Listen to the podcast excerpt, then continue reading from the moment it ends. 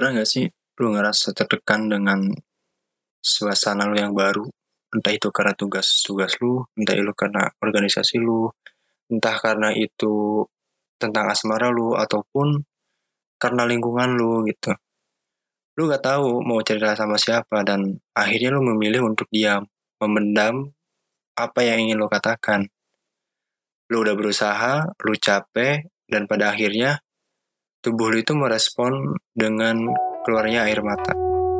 Gue Suteja, selamat datang di Kesetrum Podcast.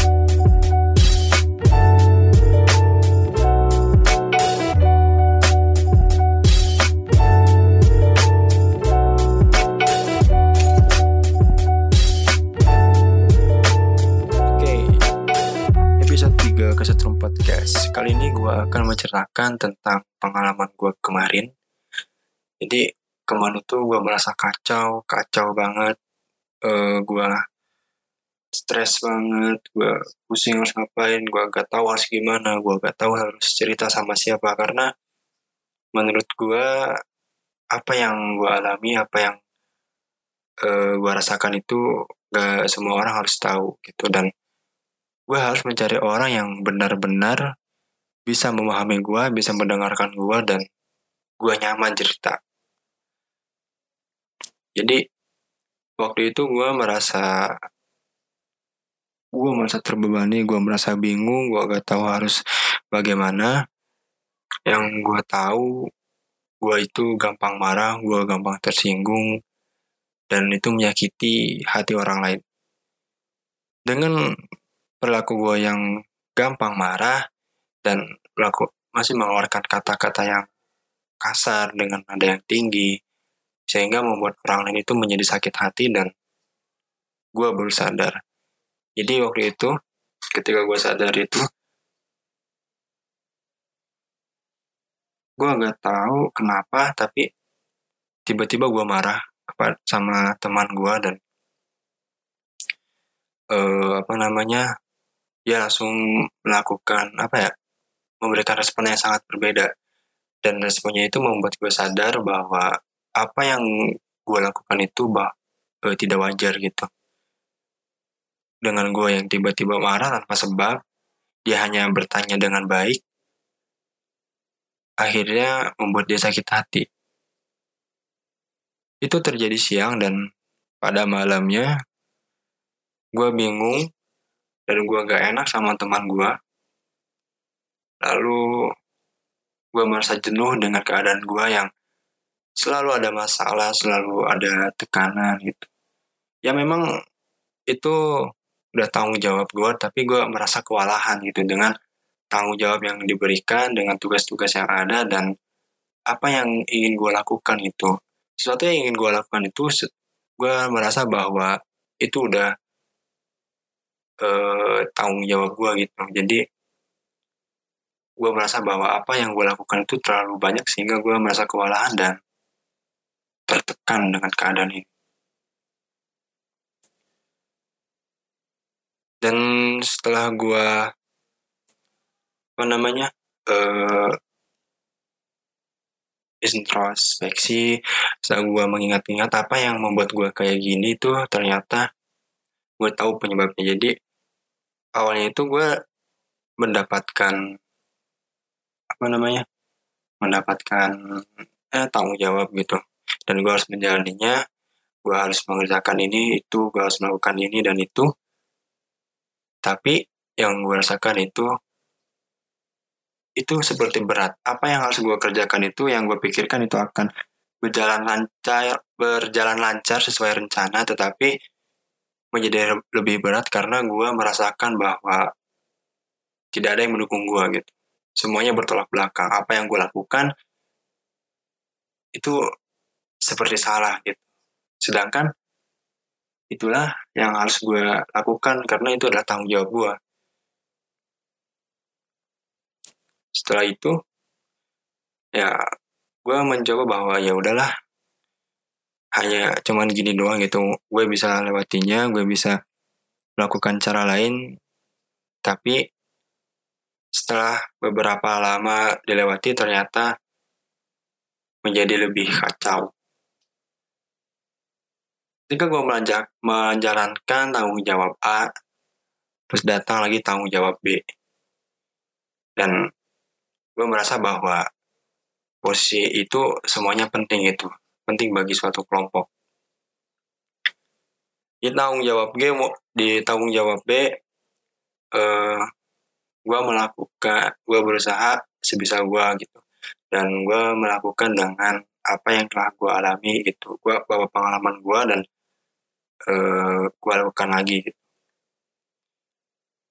Jadi ada suatu pada pada saat itu ada suatu acara dan acaranya itu bisa dibilang mepet bisa dibilang terburu-buru semuanya ingin melakukan acara itu. Tetapi ketika gue sudah berusaha untuk mem, apa namanya men, uh, menjalankan atau melaksanakan acara itu mulai dari penyiapan tempat segala segala macam setelah gue selesai tempat segala macam dan pada akhirnya mereka semua tidak bisa dan kayak jadi itu membuat gue merasa kecewa sih. Soalnya di situ ya ketika gue mengajak orang lain ternyata mereka pada sibuk dan gak bisa.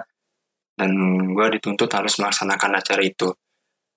Setelah itu ketika acara mau dilaksanakan semuanya tidak bisa itu membuat gue kesal karena awal-awalnya itu mereka mau mau mau dan mau. Tetapi setelah acara yang mau dilaksanakan mereka tidak bisa.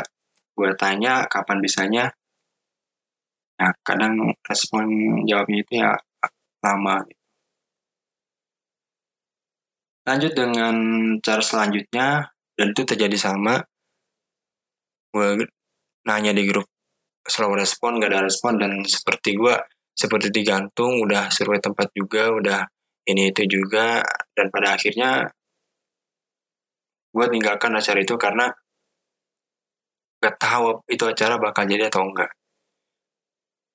Gue udah kesel banget di situ karena gue merasa apa yang gue lakukan itu sia-sia dan apa yang gue lakukan itu hanya buang-buang waktu gue gitu. Gue kesel di situ selain itu juga ketika gue melanjut melaksanakan tanggung jawab lain gue merasa bahwa gue itu seperti tidak didukung dan gue merasa sendiri gitu. Lalu datanglah acara besar dan di situ gue harus terlibat lagi. Awalnya kita merencan merencanakan bareng-bareng dan semuanya berjalan berjalan lancar di awal dan pas acara itu dimulai juga heboh sih dan seru lah pokoknya tapi ketika di tengah acara dan acara itu ingin berakhir adalah permasalahan yang lumayan besar juga, lumayan rumit juga dan gak tahu harus ngapain dan pada saat itulah emosi gue meledak meledak meledak gitu. Gue pukul inilah, gue pukul itulah, gue banting inilah, gue banting itulah. Gue bingung. Karena gue merasa ya sama kayak gak ada yang dukung gitu gue merasa berjuang sendiri gue memutuskan sendiri ketika gue membutuhkan bantuan semuanya seperti cuek dan diam malah apa yang kita rencanakan bareng-bareng dan sudah berkomitmen itu malah apa ya gue merasa bahwa gue itu ditusuk dari belakang gitu. Dan itu semua adalah salah gue oke lah gue yang memutuskan tetapi ya itulah keputusan kita. Gue kan sebelum memutuskan selalu bertanya dulu meminta pendapat dulu gimana kalau gini gimana kalau gitu. Tapi setelah acara berjalan itu salah dan gue yang salah gitu.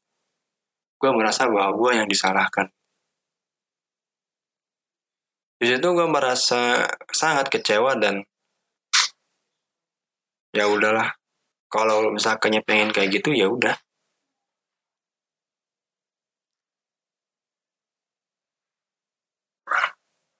Gue emosi gue pukul pintu pukul lemari segala macam lah gue gak tau lah. Gue merasa dihianati gue merasa dilewati. Itu semua gue simpan itu dan gak apa namanya gak gak cerita sama sama, sama siapa siapa dan menurut gue ya udahlah. Gue simpan aja. Yang penting semuanya jalan dengan lancar dan gak ada konflik gitu ketika dia jalan buntu yang gue anggap ketika gue sadar dia ada pada jalan buntu di situ gue sangat memerlukan bantuan tetapi ya itulah semuanya seperti cuek gitu. Walaupun ada bantuan ya itu kurang mencukupi. Bukannya gue gak bersyukur tapi memang kenyataannya gitu gitu apa yang gue inginkan itu adalah bukan orang itu yang apa yang memotong gue gitu. Bukan maksudnya bukan orang itu uh, ada orang lain yang menurut gue mereka lah yang harusnya sadar gitu dengan permasalahan ini. Tetapi ya ya begitulah. Gue harap kita bisa berjuang bersama tapi gue selalu dituntut harus kayak gini harus kayak gitu. Kenapa kayak gini kenapa kayak kenapa jadinya kayak gini? Akhirnya gue mencari jalan sendiri gitu karena gue bekerja sendiri gue merasa bekerja sendiri. Tapi di situ seharusnya itu adalah kerjasama gitu.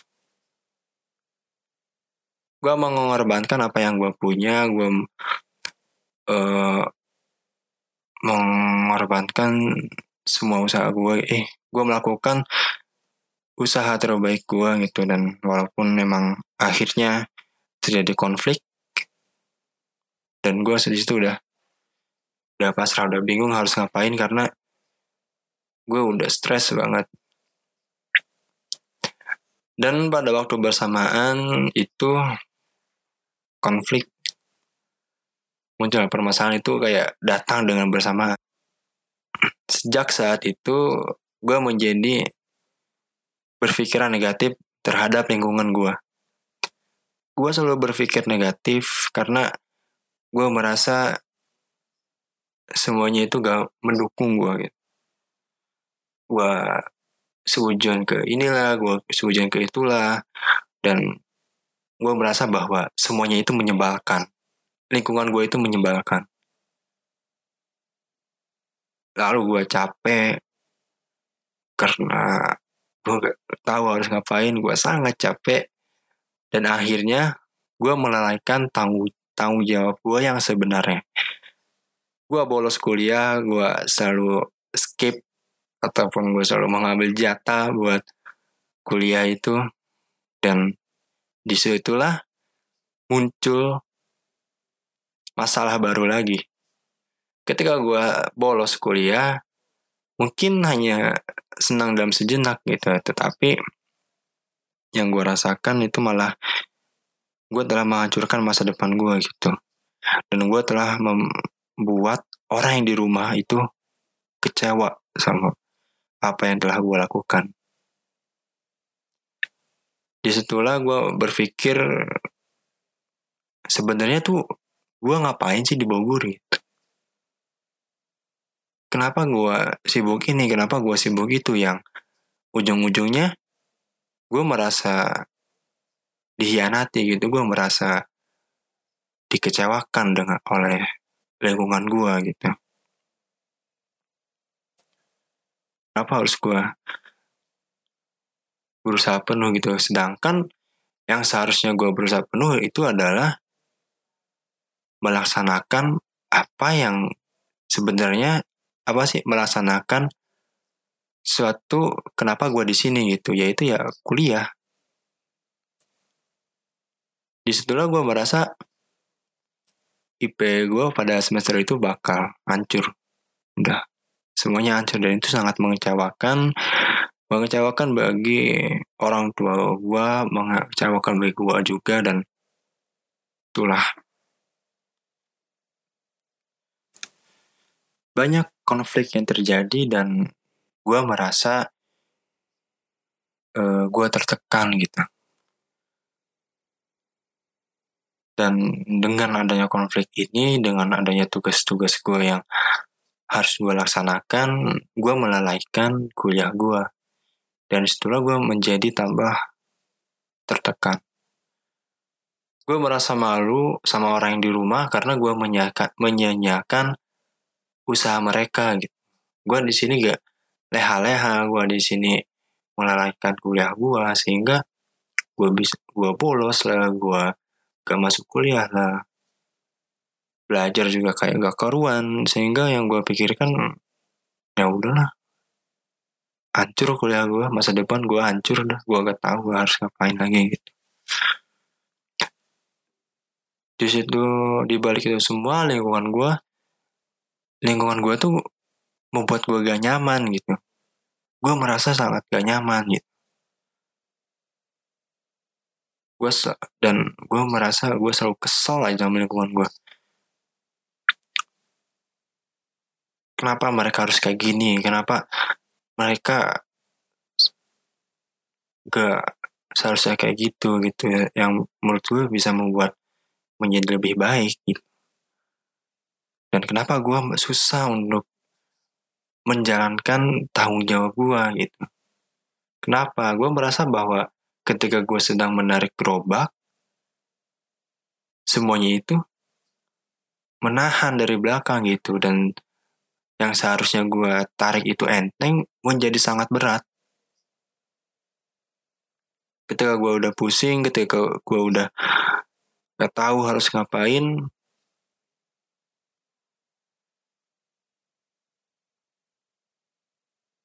gue mencari pelarian gitu, gue menenangkan diri gue menenangkan diri. Dan pada saat itu, gue menangis tiba-tiba. Gue merasa gue gagal, gue merasa apa yang akan gue lakukan ke depannya itu adalah kegagalan gitu. Gue udah putus asa di situ, gue udah malu dengan orang yang di rumah, gue mengecewakan mereka, dan setelah itu gue merasa lebih baikan. Walaupun konflik yang ada itu masih berlanjut. Sampai gue merasa bahwa gue gak mau balik lagi ke sini. Gue gak mau uh, datang lagi ke sini. Karena tempat ini, lingkungan ini, itu membuat gue tertekan, membuat gue stres, membuat gue selalu emosi gitu, dan sangat menyebalkan.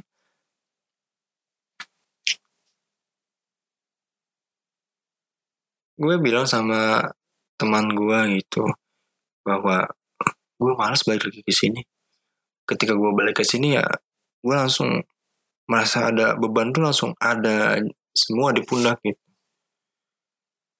dan ketika gue mencurahkan keluh kesah gue ada aja orang yang apa namanya kayak anggapnya tuh ya udahlah biasa aja gitu. Dan seperti candaan dan di situ membuat gue kesel. Lu gak ngerti apa yang gue rasain. Cuma bisa hahi doang. Itu yang rasa gue menjadi anjir.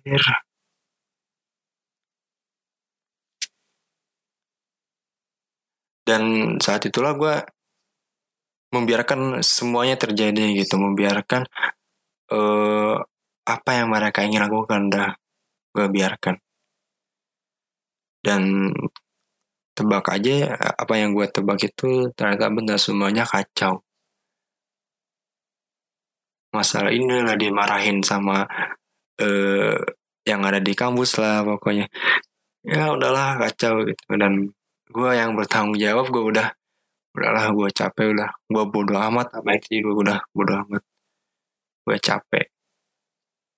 Dan kalau misalnya gue melakukan yang menurut apa sih yang seharusnya dilakukan oleh tanggung jawab gue posisi gue ya gue merasa apa yang gue lakukan itu bakal salah gitu. Jadi udahlah. Dan pada pas apa ingin semester kita semester ingin berakhir gue mengundurkan diri. Karena gue merasa gue sudah gak sanggup lagi gitu. Gue pengen nenangin diri gue gitu dari semua hal yang menyebalkan ini. Lalu gue fokus di tanggung jawab B dan itu tidak terlalu menurut gue gak tidak terlalu berat. Setelah, setelah itu gue uh, mencari kegiatan lain di luar kampus.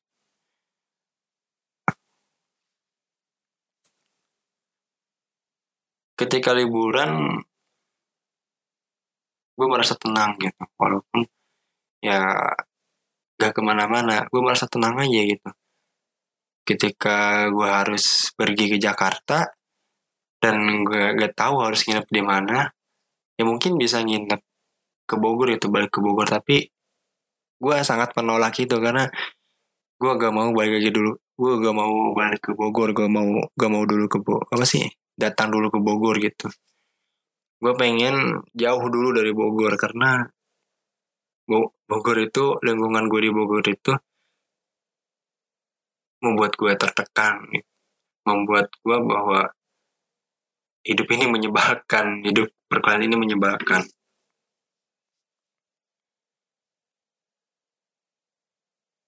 semester baru ketika gue baru turun di Jatinegara mood gue tuh udah oke okay, kita mulai lagi. Gue harus melewati hari-hari menyebalkan lagi gitu. Dan itu tinggal tiga semester lagi itu tinggal satu setengah tahun lagi. Ya udah gue jalani dan gue masih berpikiran negatif gue selalu berpikiran negatif gue selalu mudah marah gue mudah tersinggung Nah, sampai akhirnya gue menyakiti hati orang lain dan mungkin udah dari dulu kali gue menyakiti orang lain dengan perkataan gue yang kasar dan ada yang tinggi.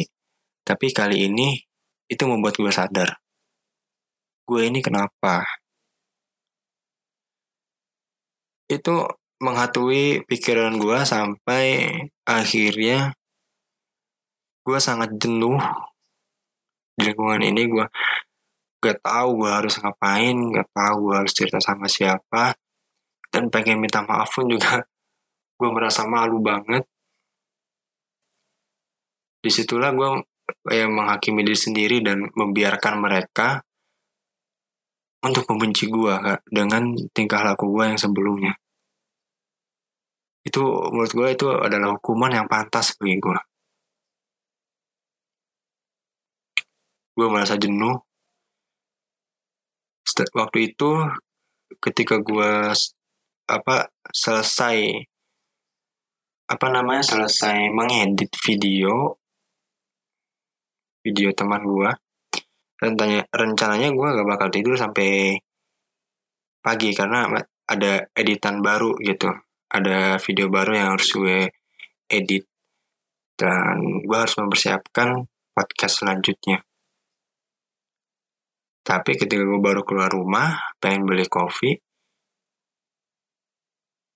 baru jalan beberapa langkah depan kontrakan, gue berbalik arah, kayaknya gue lebih apa gue kayaknya gue lagi butuh udara gitu gue pengen nenangin diri gue gitu akhirnya gue jalan dari eh dari kontrakan gue sampai ke depan Botani Square.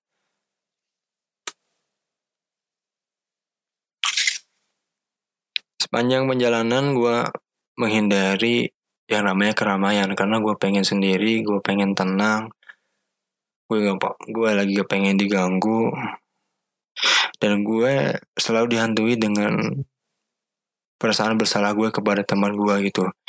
Dan mungkin itu sudah dari dulu gue sudah menyakiti banyak orang gitu. Dengan sikap gue, dengan karakter gue yang mudah marah, sekarang adalah seperti bom waktu yang apa menyakiti diri gue sendiri gitu karena itulah imbasnya uh, apa yang telah gue lakukan.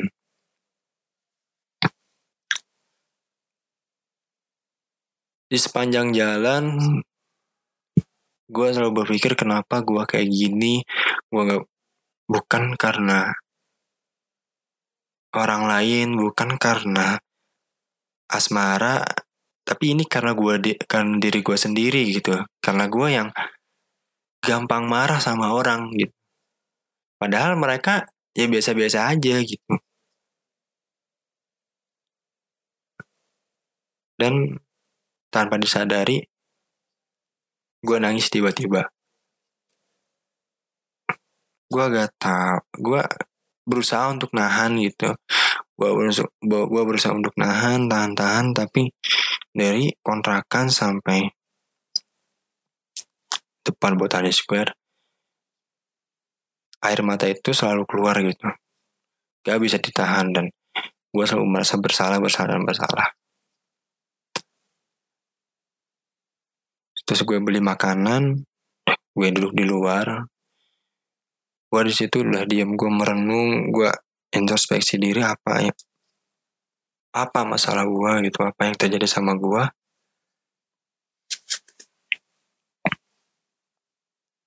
di situ gue bingung gue merasa dulu gue merasa dihianati tapi ternyata gue yang gue yang mengkhianati.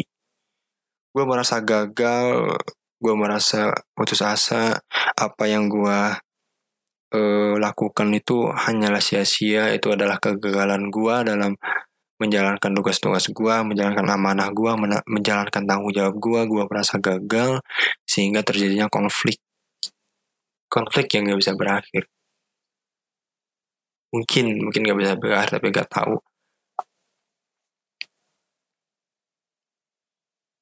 Dan di situ gue juga gak tahu sebenarnya cerita sama siapa. Gue di situ butuh orang tapi gue gak tahu cerita sama siapa gitu gue merasa bahwa orang yang gue percaya itu gak ada.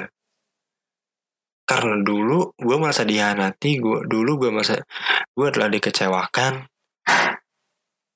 Itu kan gue masa dicuek dicuekin gitu.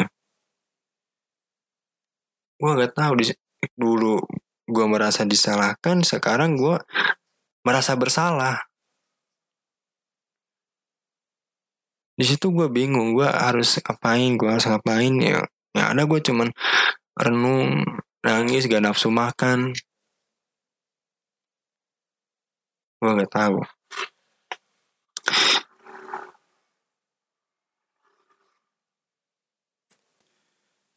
Waktu itu di depan gue itu ada orang, mereka berdua sedang ngobrol.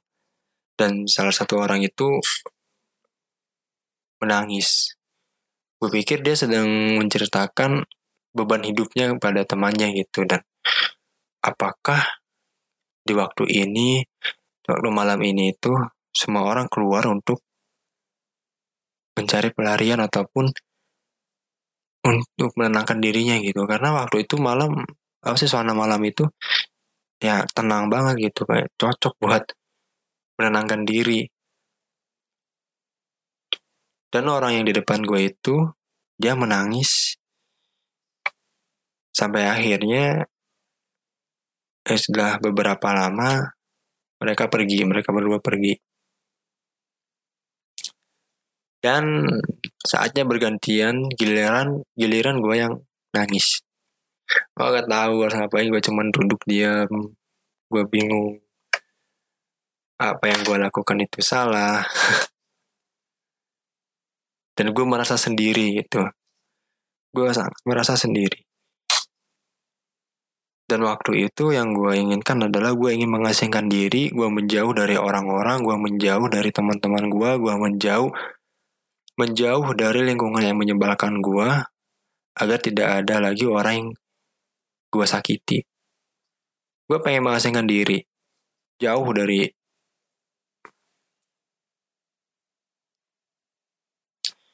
dari sana.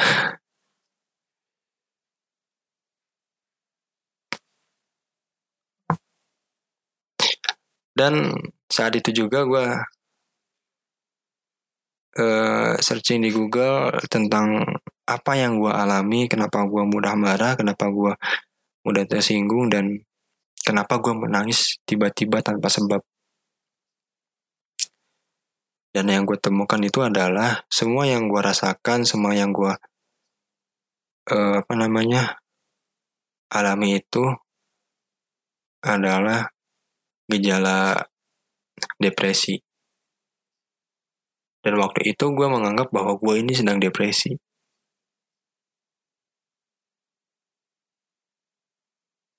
Ketika dulu teman-teman gue bercerita tentang masalah hidupnya, tentang masalah uh, lingkungannya dan mungkin inilah giliran gua. Ini ini adalah giliran gua mengalami hal ini.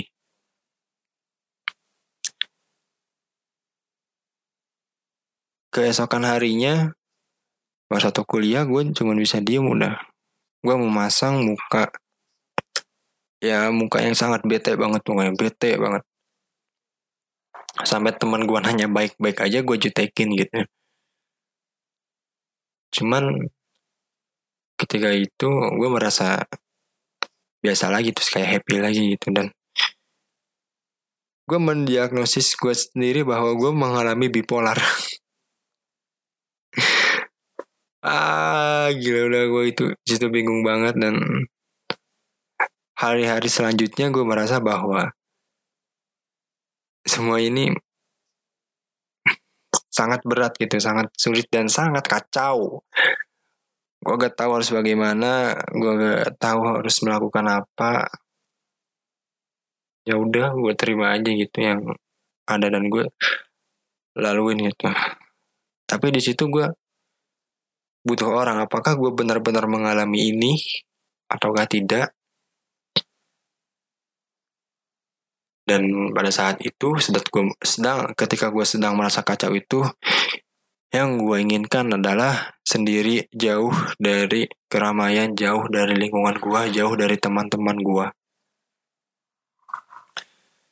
dan ketika itu gue selalu membuat satu WA tentang apa namanya tentang ulah kesah gue tentang stresnya gue dan apa apa segalanya gue tentang mental illness atau tentang apa lah dan gue bilang bahwa gue tuh depresi gitu.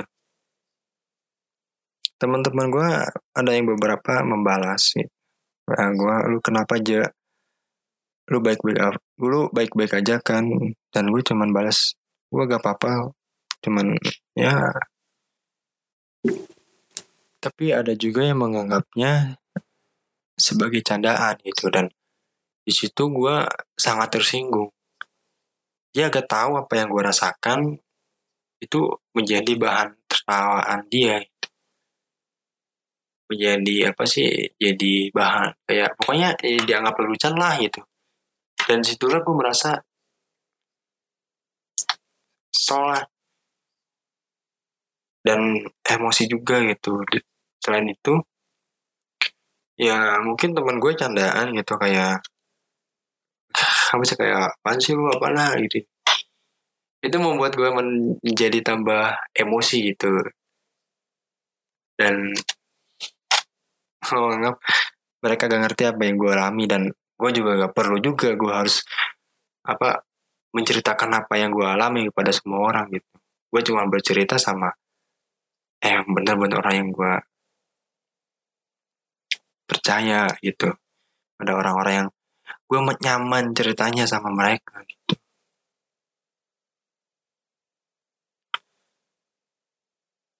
Selama setahun ya apa yang gue alami apa yang gue laksanakan gue selalu pendem. Unek-unek yang gue rasakan itu gue selalu pendem.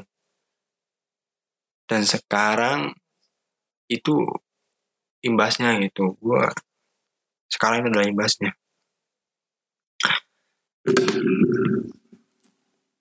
lalu uh, ada acara makrab gitu.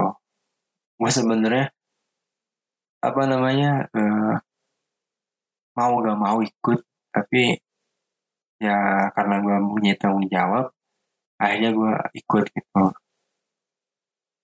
Gue ikut dan di sana ketika nyampe di villa ya gue sendiri gitu. Gue apa sih mencari tempat yang sepi untuk menyendiri gitu. Waktu itu gue yang yang gue pikirkan adalah gue pengen sendiri gue pengen menyendiri. Dan bahkan ketika berangkat ber, apa sih berangkat pun gue melewati jalan yang sepi. Ya itu apa sih membuat gue tenang gitu. Karena gue sendiri jauh dari ramainya kota jauh dari macetnya kota. Cuman gue takut juga kalau ada begal gitu aku juga kalau ada begal tiba-tiba dibacok dari belakang kan gue tahu anjir. Ketika di villa semuanya sudah tidur dan uh, waktunya istirahat. Masih ada beberapa teman gua dan kating gua yang belum tidur. Mereka sedang mengobrol eh, tentang suatu hal dan akhirnya gue gua memutuskan untuk bergabung dan tidak menyendiri lagi. Ketika gue bergabung, mereka sedang membahas tentang stres dan apalah apa sih tentang uh, bedanya uh, ketika mereka sudah uh, apa namanya hidup di dunia perkila di dunia perkuliahan gitu.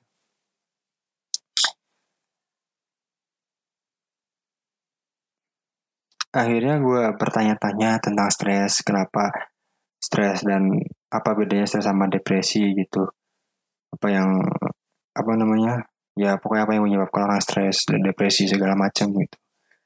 Dan kebetulan cutting gue itu dia uh, sedang membahas apa sih ada matkul yang membahas tentang stres tentang depresi ya tentang psikologi gitulah. Dan kebetulan juga uh, cutting gue ini dia sedang ada riset ya, tentang apa namanya stres gitu. Dan dia juga membawa membawa kuesioner uh, apa namanya ya kuesioner ya tentang stres gitu. Jadi uh, ketika nanti gue diwawancara itu ada poin-poinnya gitu dan akhirnya gue tertarik gue mencoba untuk di diwawancara atau konsultasi dengan cutting gue itu ketika konsul uh, gue menyampaikan apa yang gue alami gue menyampaikan apa yang gue rasakan gitu dan cutting gue memasukkan poin-poin sesuai dengan apa yang gue rasakan dan apa yang gue rasakan dan gue alami ketika udah selesai dan uh, apa sih poin-poin itu dijumlahkan ternyata gue mengalami stres berat. Dan ketika gue melihat ekspresi cutting gue itu kayak yang bener loh. Itu kan ada dua apa sih? Ada cutting gue itu ada dua waktu itu dan cutting gue yang satunya itu si B ini gue konsul sama cutting A dan temennya itu cutting B ini dia merespon kayak apa sih ya kayak terkejut sih kayak gak ya kayak gak mungkin gitu tapi si cutting B ini ngecek gitu dan melanjutkan konsolnya karena cutting A gue ini dia sedang ada apa sih urusan lain lah gitu ke belakang. Dilanjutkan oleh cutting A dan ternyata benar gue mengalami stres berat. Setelah uh, acara makrab itu acara di villa itu keesokan harinya gue di chat oleh kating gue dia uh, berkata bahwa kalau misalkan ada apa-apa cerita aja sama gue gitu. Lu jangan pendem sendiri gitu. Dan waktu itu gue cuman diem dan menganggap bahwa apa yang gue alami ini serius. Lalu gue searching lagi tentang uh, stres berat dan ternyata kalau misalkannya stres beratnya ini tidak bisa ditangani dengan baik, itu akan memicu depresi dan gangguan psikologis. Untungnya ketika gue konsultasi, gue mengalami stres berat, tetapi eh, apa namanya penanganan gue kepada apa yang gue alami ini baik juga. Jadi sehingga gue tidak mengalami depresi. Kating gue hanya menyarankan bahwa apa yang lo rasakan itu jangan dipendam sendiri dan carilah teman untuk bercerita.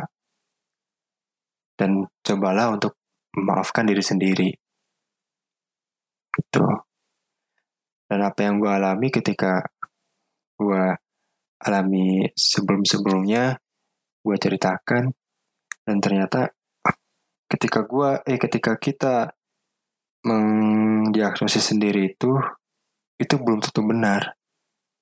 Itu hanya anggapan lu aja gitu. Ketika kita menganggap kita depresi itu adalah eh, anggapan negatif pada diri sendiri sehingga hari-hari selanjutnya yang lu jalani itu akan terasa susah.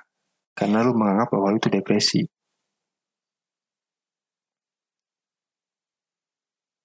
Dan setelah kemarin makrab, gue masuk kuliah dan pada waktu kuliah itulah. Yang tadinya gue happy gitu pulang makrab gitu gue makrab happy pas besoknya lagi gue bete lagi gitu. gue kayak kesel lagi gitu ya udah gue menyendiri aja gue jalan-jalan uh, ke depan kampus pinggir jalan raya nyari makan sendiri dengar musik gitu. Sampai masuk kuliah dan pulang dari kuliah emosi gue makin meningkat pulang dari kuliah emosi gue makin menjadi-jadi waktu itu teman-teman gue lagi pada kumpul mau uh, pergi ke salah satu tempat dan sedang apa namanya sedang uh, berdiskusi apakah kita jadi atau tidak ke tempat itu. Cuman di situ gue gak peduli lah. Itu keputusan mereka gue ngikut gitu. Awalnya gue buru-buru untuk langsung berangkat aja gitu soalnya gue pengen apa yang apa kerjaan gue itu selesai gitu.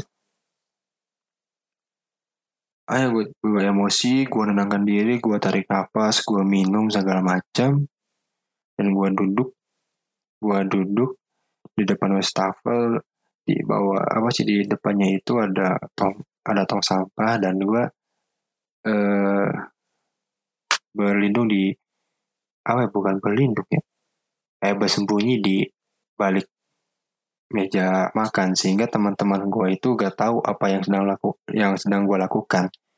Mungkin yang mereka tahu bahwa gue tuh sedang duduk gitu.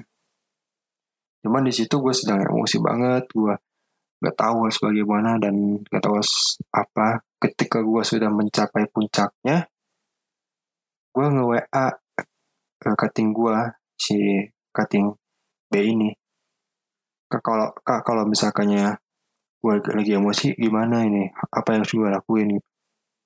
Ya bilang ya lu teriak aja lu teriak di bantal atau ngapain ngapain? Yang penting please ya lu jangan sakitin diri lu sendiri. Dan gue merasa bahwa kayaknya itu gak apa namanya gak tidak ampuh itu untuk apa yang gue alami ini. Dan akhirnya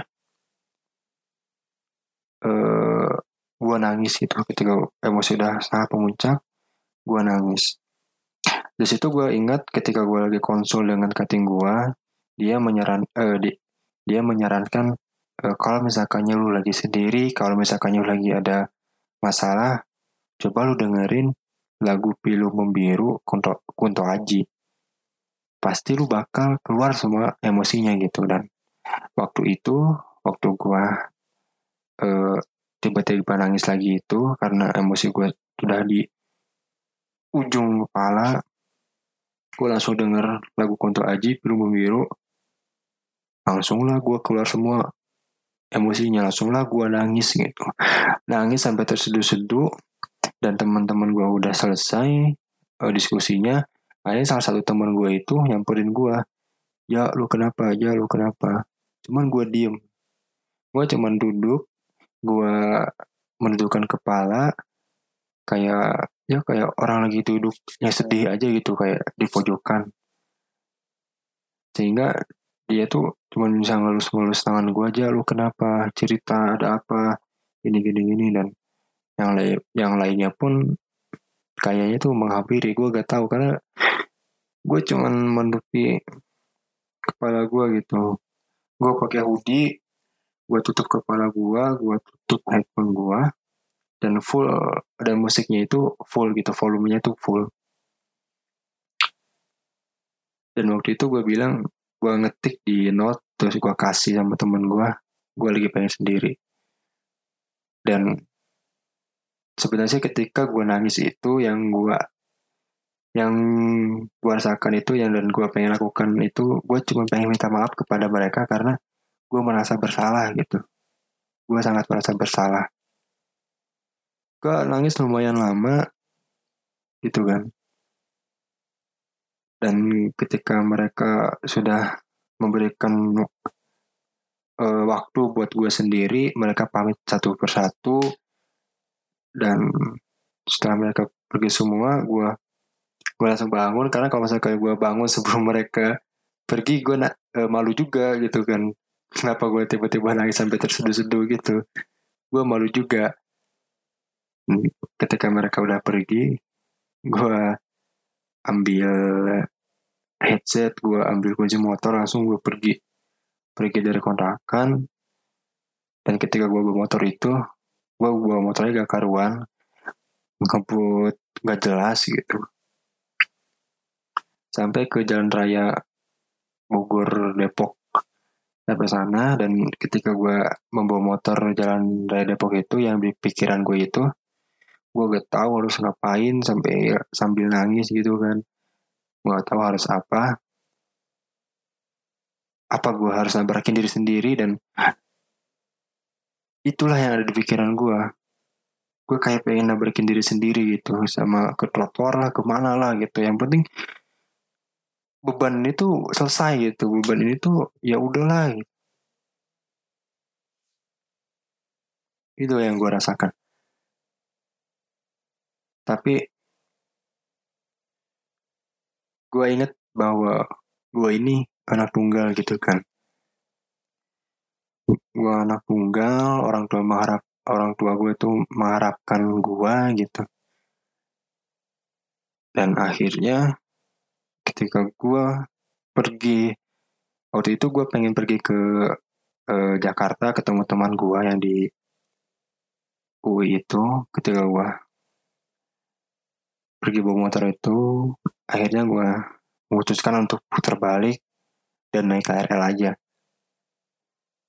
Dan ketika gue putar balik juga tetap aja bawa motor gak jelas gitu yang buat gak jelas gitu lah sampai gue hampir nabrak orang. Pas gue di situ cuma bisa istighfar ya Allah astagfirullahaladzim. Wah menenangkan diri udah jangan jangan sampai hal-hal yang konyol jangan sampai ada masalah lagi gitu. Nyampe stasiun gue langsung pergi ke Tanjung Barat. Lalu ketemu teman gue ambil makan dan gue juga lumayan nunggu dia lama karena dia juga baru selesai kuliah kan. Terus dia datang dia nanya-nanya gue dia ngajak ngobrol gue cuman ya gue masih bete gitu gue masih ya pokoknya muka itu kayak kusut banget dan gue masih merasa bahwa itu gue kacau banget gitu. Kacau banget. Terus dia minta lu mau cerita nggak? Ya lu mau cerita lu kenapa sih kayak gini? Lu gak, gak biasanya kayak gini. Cuman gue diem aja karena gue males banget buat cerita gitu. Males banget buat cerita. Sebelumnya gue emang udah cerita sama teman gue gitu. Dan ketika gue merasa lebih baik dia menyarankan bahwa lu harus berdamai sama diri lu sendiri itu lu harus berdamai sama diri lu biar lu juga bisa damai sama lingkungan lu. Gue udah melakukan itu tapi ya tetap aja gitu balik lagi. Dan puncaknya itulah ketika gue nangis terus terus dulu itu. Terus karena gue juga tem dia temen lama gue temen SMA gue dia juga uh, suka cerita sama gue akhirnya gue juga cerita sama dia tentang apa yang gue alami ketika dia ketika gue cerita dia langsung berkaca-kaca matanya itu cuman gue deh gue dalam hati kok lu nangis sih? Gitu kan. Gue bingung juga loh kok lu nangis? Cuman karena waktu itu gue lagi di apa di kafe gitu kan di tempat kopi gitu dan udah larut malam juga udah jam 10 juga waktunya toko itu tutup akhirnya mau gak mau ya kita pergi gitu. Lalu dia nge WA WA gue aja. Lu gue gak nyangka lu kayak gini gitu. Yang gue tahu tuh lu ya hidup lu tuh ya senang senang senang aja gitu. Lu jadi ketua inilah lu jadi ketua itulah. Gue gak nyangka. Lu pokoknya lu selalu cerita semuanya karena ketika lu cerita tadi di tempat kopi itu lu belum ngeluarin semuanya. Dan akhirnya gue setelah itu ketemu di lain waktu gue cerita semuanya. Setelah gue cerita gue mulai merasa lega gue merasa lebih baik. Terus gue juga mulai bercerita kepada lingkungan gue yang di sini di Bogor kepada orang-orang di sini. Dan sempat ada masalah juga sama teman gue gitu kan. Cuman gue rasa bahwa mungkin ini masih bawaan emosi gue juga yang kemarin-kemarin walaupun gue merasa lebih baik dan akhirnya gue juga minta maaf. Dan ketika gue sedang ada masalah itu temen gue juga sampai bilang ya lu kenapa kalau ada apa-apa cerita gitu jangan ya pokoknya jangan mikir macam-macam lah gue ada gitu. Cuman waktu itu uh, eh, gue belum sempat bercerita kepada dia karena uh, eh, gue gak pengen cerita lagi gue apa ya pokoknya gue pengen melupakan sejenak lah gitu. Karena ketika gue cerita gue malah ke bawah lagi emosinya gitu. Dan setiap gue cerita sama teman-teman gue gue selalu nangis gitu. Selalu gue selalu keluar air matanya dan gue selalu tahan gitu. Karena gue malu. Dan situ gue gak peduli disebut cengeng gue gak peduli disebut lemah atau apa. Dan cuman itulah yang gue rasakan gitu itulah yang gue rasakan. Walaupun emang gue gak depresi tapi itu sangat mengganggu lah bagi gue rugi ke guanya dan rugi juga buat orang lain. Gue udah berusaha apa yang gue bisa gitu. Gue menghadapi semuanya dan gue merasa tidak mampu lagi dan akhirnya gue nangis. Ya udah gue lepasin aja semuanya nangis. Walaupun itu disebut cengeng atau apa yang penting emosi gue semuanya keluar. Udah habis itu gue ikhlas dengan semua ini dan udahlah. Dan sampai sekarang ini gue merasa lebih baik. Itu. Mungkin kuliah itu bisa dibilang menyenangkan pas lagi SMA gitu. Kuliah enak kuliah enak kayak gini kayak gitu. Bisa bebas dari orang tua bisa bebas kayak gini. Tapi itu semua hanyalah hayalan. So itu semua hanyalah ekspektasi. Ketika lu kuliah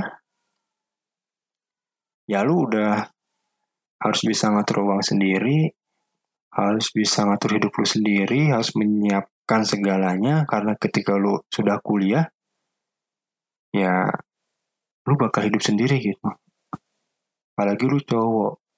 Menurut gue ketika gue sebagai cowok itu gue harus bisa nantinya tuh gue harus bisa mempunyai pekerjaan tetap sampai gue punya keluarga nanti gue bisa meng apa namanya e, memberikan uang makan buat keluarga gue, uang makan buat orang tua gue gitu kan. Ya itulah tugas anak laki-laki gitu. Belum anak-anak gue kan. Tapi dengan berpikir seperti itu gue kadang jadi stres juga nih gue bisa nggak ya, gue bisa nggak ya. Ragu juga sama diri sendiri gitu. Tapi ya udahlah gue jalanin aja, gue usahakan biar yang gue lakukan sekarang ini gak gagal dan berimbas ke sana-sananya gitu ke hari-hari selanjutnya mengenal tentang stres berat dan depresi ini berbicara tentang kesehatan mental. Semenjak teman-teman gue cerita tentang eh, apa yang dia alami, apa yang dia rasakan, entah itu karena dia merasa terkucilkan oleh lingkungannya, entah itu dia e, merasa dihianati oleh teman terdekatnya, entah itu tentang asmaranya, entah itu tentang mungkin mohon maaf keluarganya, finansialnya atau segala macam. Dan masa dan mereka masa tertekan, gue kayak lebih sadar gitu bahwa kesehatan mental itu sangat penting bagi kita semua. Karena itu bisa dialami kapan saja dan di mana saja. Dan penyebabnya juga kadang nggak tahu kenapa gitu. Ya kesehatan mental atau kesamaan itu sangat penting. Ya karena itu itu bisa apa namanya merugikan kita dan orang lain juga. Dan itu juga bisa mem, apa namanya ya baik buat kita gitu untuk kesehatan mental. Kalau misalkan lo gak menjaganya gitu. Ketika lu terkena gangguan psikologis yang biasa kita sering dengar itu adalah depresi ya di situlah ketika lu tuh kayak perubahan mood lu itu ya buruk gitu. Karena mungkin bisa sedih bisa senang bisa marah gitu. Ya pokoknya ah, kacau lah. Dan gue juga sampai bilang bahwa mengalami bipolar ternyata enggak gitu.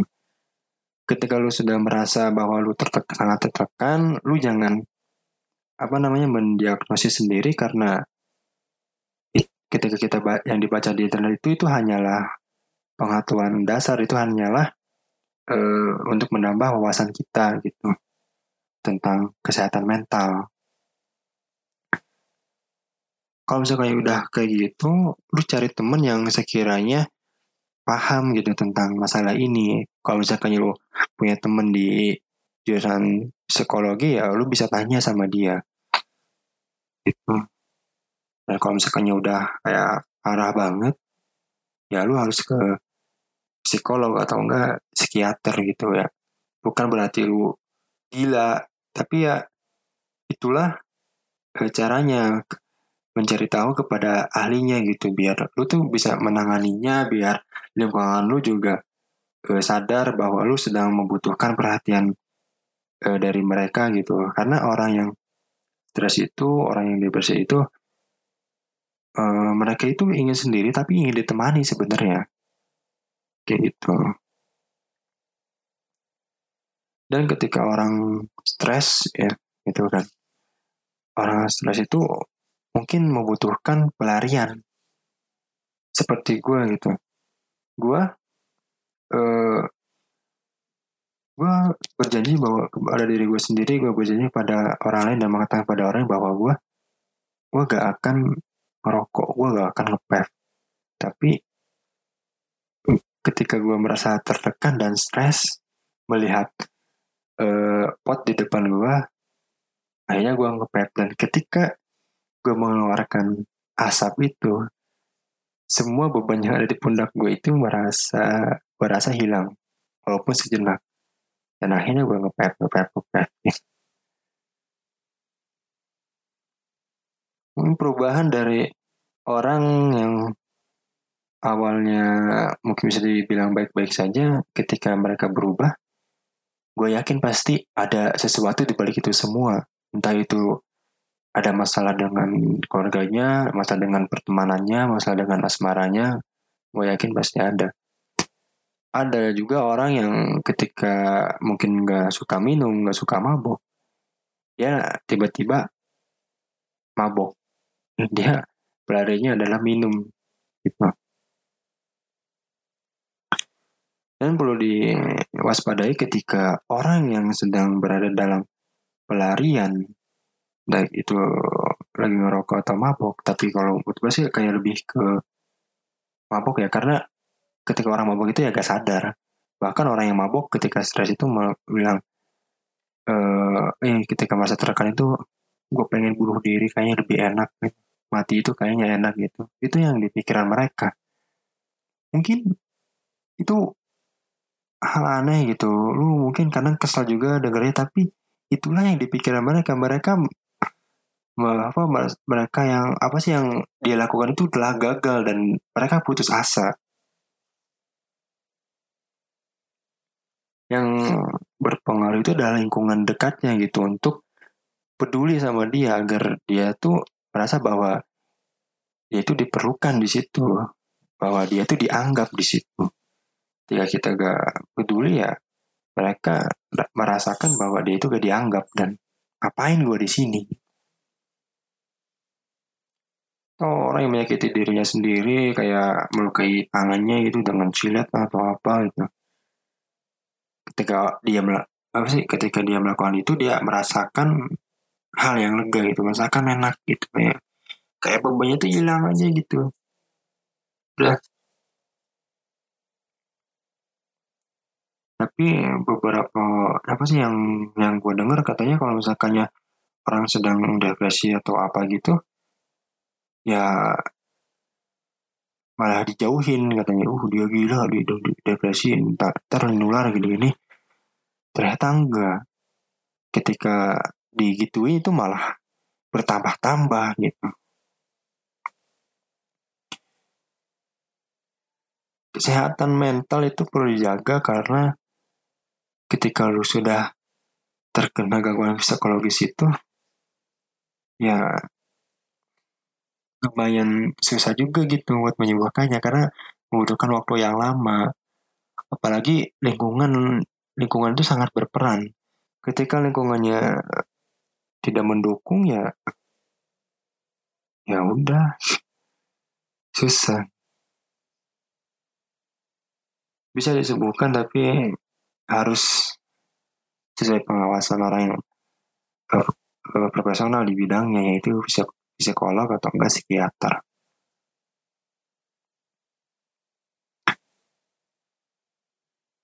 Terus temen gue nanya, nanya, kenapa sih lo akhir-akhir itu seterusnya kayak oh, depresi lah gitu, mental illness lah atau apalah. Gue gak tau, dia bilang gini, gue gak tahu ya apa yang lo alami pada akhir-akhir ini, cuman yang gue lihat ya satu WA kayak gitu. Yang gue tahu finansial lu baik. Lu kayak gak ada masalah. IP lu juga bagus. Lu tuh kenapa sih? Gue gak tahu sih. Lu tuh kenapa katanya. Gue gak tahu apa yang di belakang lu gitu. Terus gue jawab. Semua yang gue miliki, semua yang gue capai, itu bukan tolak ukur kebahagiaan gue. Kebahagiaan gue itu ya apa yang gue lakukan gitu itu yang tiba-tiba keluar dari mulut gue dan itulah yang biasa orang katakan bahwa dan yang gue lihat bahwa apa yang kita punya kekayaan yang kita punya itu tidak bisa membuat bahagia. Banyak kok orang yang apa yang udah terkenal udah karirnya bagus udah prestasinya bagus dia mereka bunuh diri. Ada kok yang kayak gitu ya. Menurut gue sih apa yang kita lakukan hal yang positif dan membuat bahagia itu akan membuat kita sehat-sehat saja gitu. Dan ketika lo mempunyai masalah di dalam hidup lo, cobalah untuk bercerita, cobalah untuk uh, apa namanya kak memberitahu orang lain, tapi yang kita harus tahu itu ya menurut gue carilah orang yang paham dan mungkin carilah orang yang sudah berpengalaman atau orang yang pernah mengalami ini. Karena orang yang kayak gitu tuh ya menurut gue mereka paham apa yang dan kita alami. Kalau misalkan mungkin dia tidak paham dan belum pernah mengalami, mungkin yang ada mereka meresponnya apa sih positif, memberikan lo solusi. Tapi itu malah toksik buat lo gitu ketika mereka bilang nggak apa-apa kok uh, lu bisa ah gitu doang gue lebih ah gitu doang gue lebih dari itu gue gini-gini. Kata-kata itu tuh kayak membuat orang yang mengalami ini seperti gue itu lu gak bisa bilang kayak gitu gitu kan. Kita itu emang berbeda-beda apa sih untuk menanganinya. Ketika mereka bilang seperti itu ya kita merasa tersinggung lu lu meremehkan apa yang sedang gue alami. Lu meremehkan masalah gue itu yang yang dirasakan.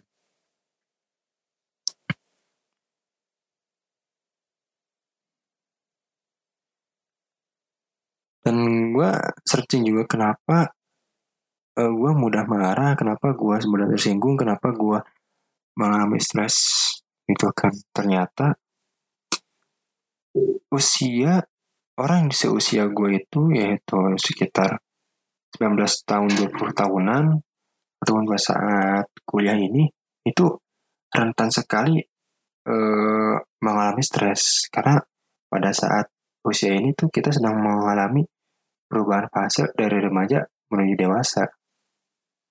Dan hal-hal baru pun muncul gitu seperti lingkungan baru lu ketika lu pergi merantau ketika lu kuliah. Dan kuliah itu kan bukan di kebanyakan bukan di daerah masing-masing gitu. Eh ada juga lah gitu. Tapi kan kayak jauh dari rumah gitu. Ketika lu kuliah itu ya jauh dari rumah. Dan menemukan lingkungan baru. Dan di lingkungan baru itu manusia itu berbeda-beda. Ada yang menyenangkan ada yang tidak menyenangkan ada yang menyebalkan ada yang bikin kita kesel daripadanya ataupun bikin kita nyaman gitu kan. Asik. Ya kita gak tahu berbeda-beda gitu kan. Beda istiadat beda etika beda sopan santun beda karakter. Itulah yang membuat kita tidak bisa apa ya yang membuat kita harus adaptasi itu dengan lingkungan baru. Itu kalau misalnya kita gagal beradaptasi ya mungkin masa tertekan dan stres belum lagi tugas-tugas kuliah yang itu lumayan berat gitu kan. Matkul-matkul yang baru yang harus lo uh, pahami yang harus lo pelajari dan organisasi yang lo ikuti itu semuanya ada di situ. Ketika lo masuk ya lo bertanggung jawab. Bukan masalah kita mengeluh. Mengeluh itu gak baik tapi ya gimana ya? Ya pasti mengeluh lah gitu pasti kita mengeluh dan itu adalah sifat manusia.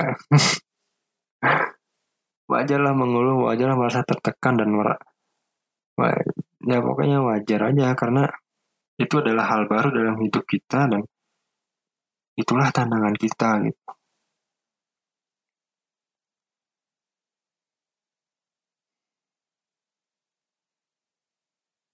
Gue kayak lebih sadar lagi tentang kesehatan mental karena uh, bukan hanya gua aja yang yang mengalami tapi ya tentang mengalami kayak apa namanya uh, ya hampir gangguan psikologis gitu.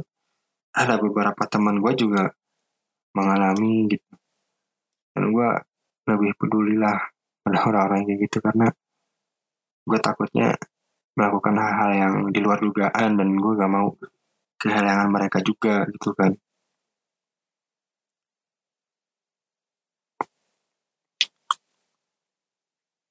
ya buat lo yang tahu gue mungkin gue terlihatnya baik-baik aja tapi di balik itu semua gak kayak gitu. Gue tuh ya bisa dibilang banyak masalah juga.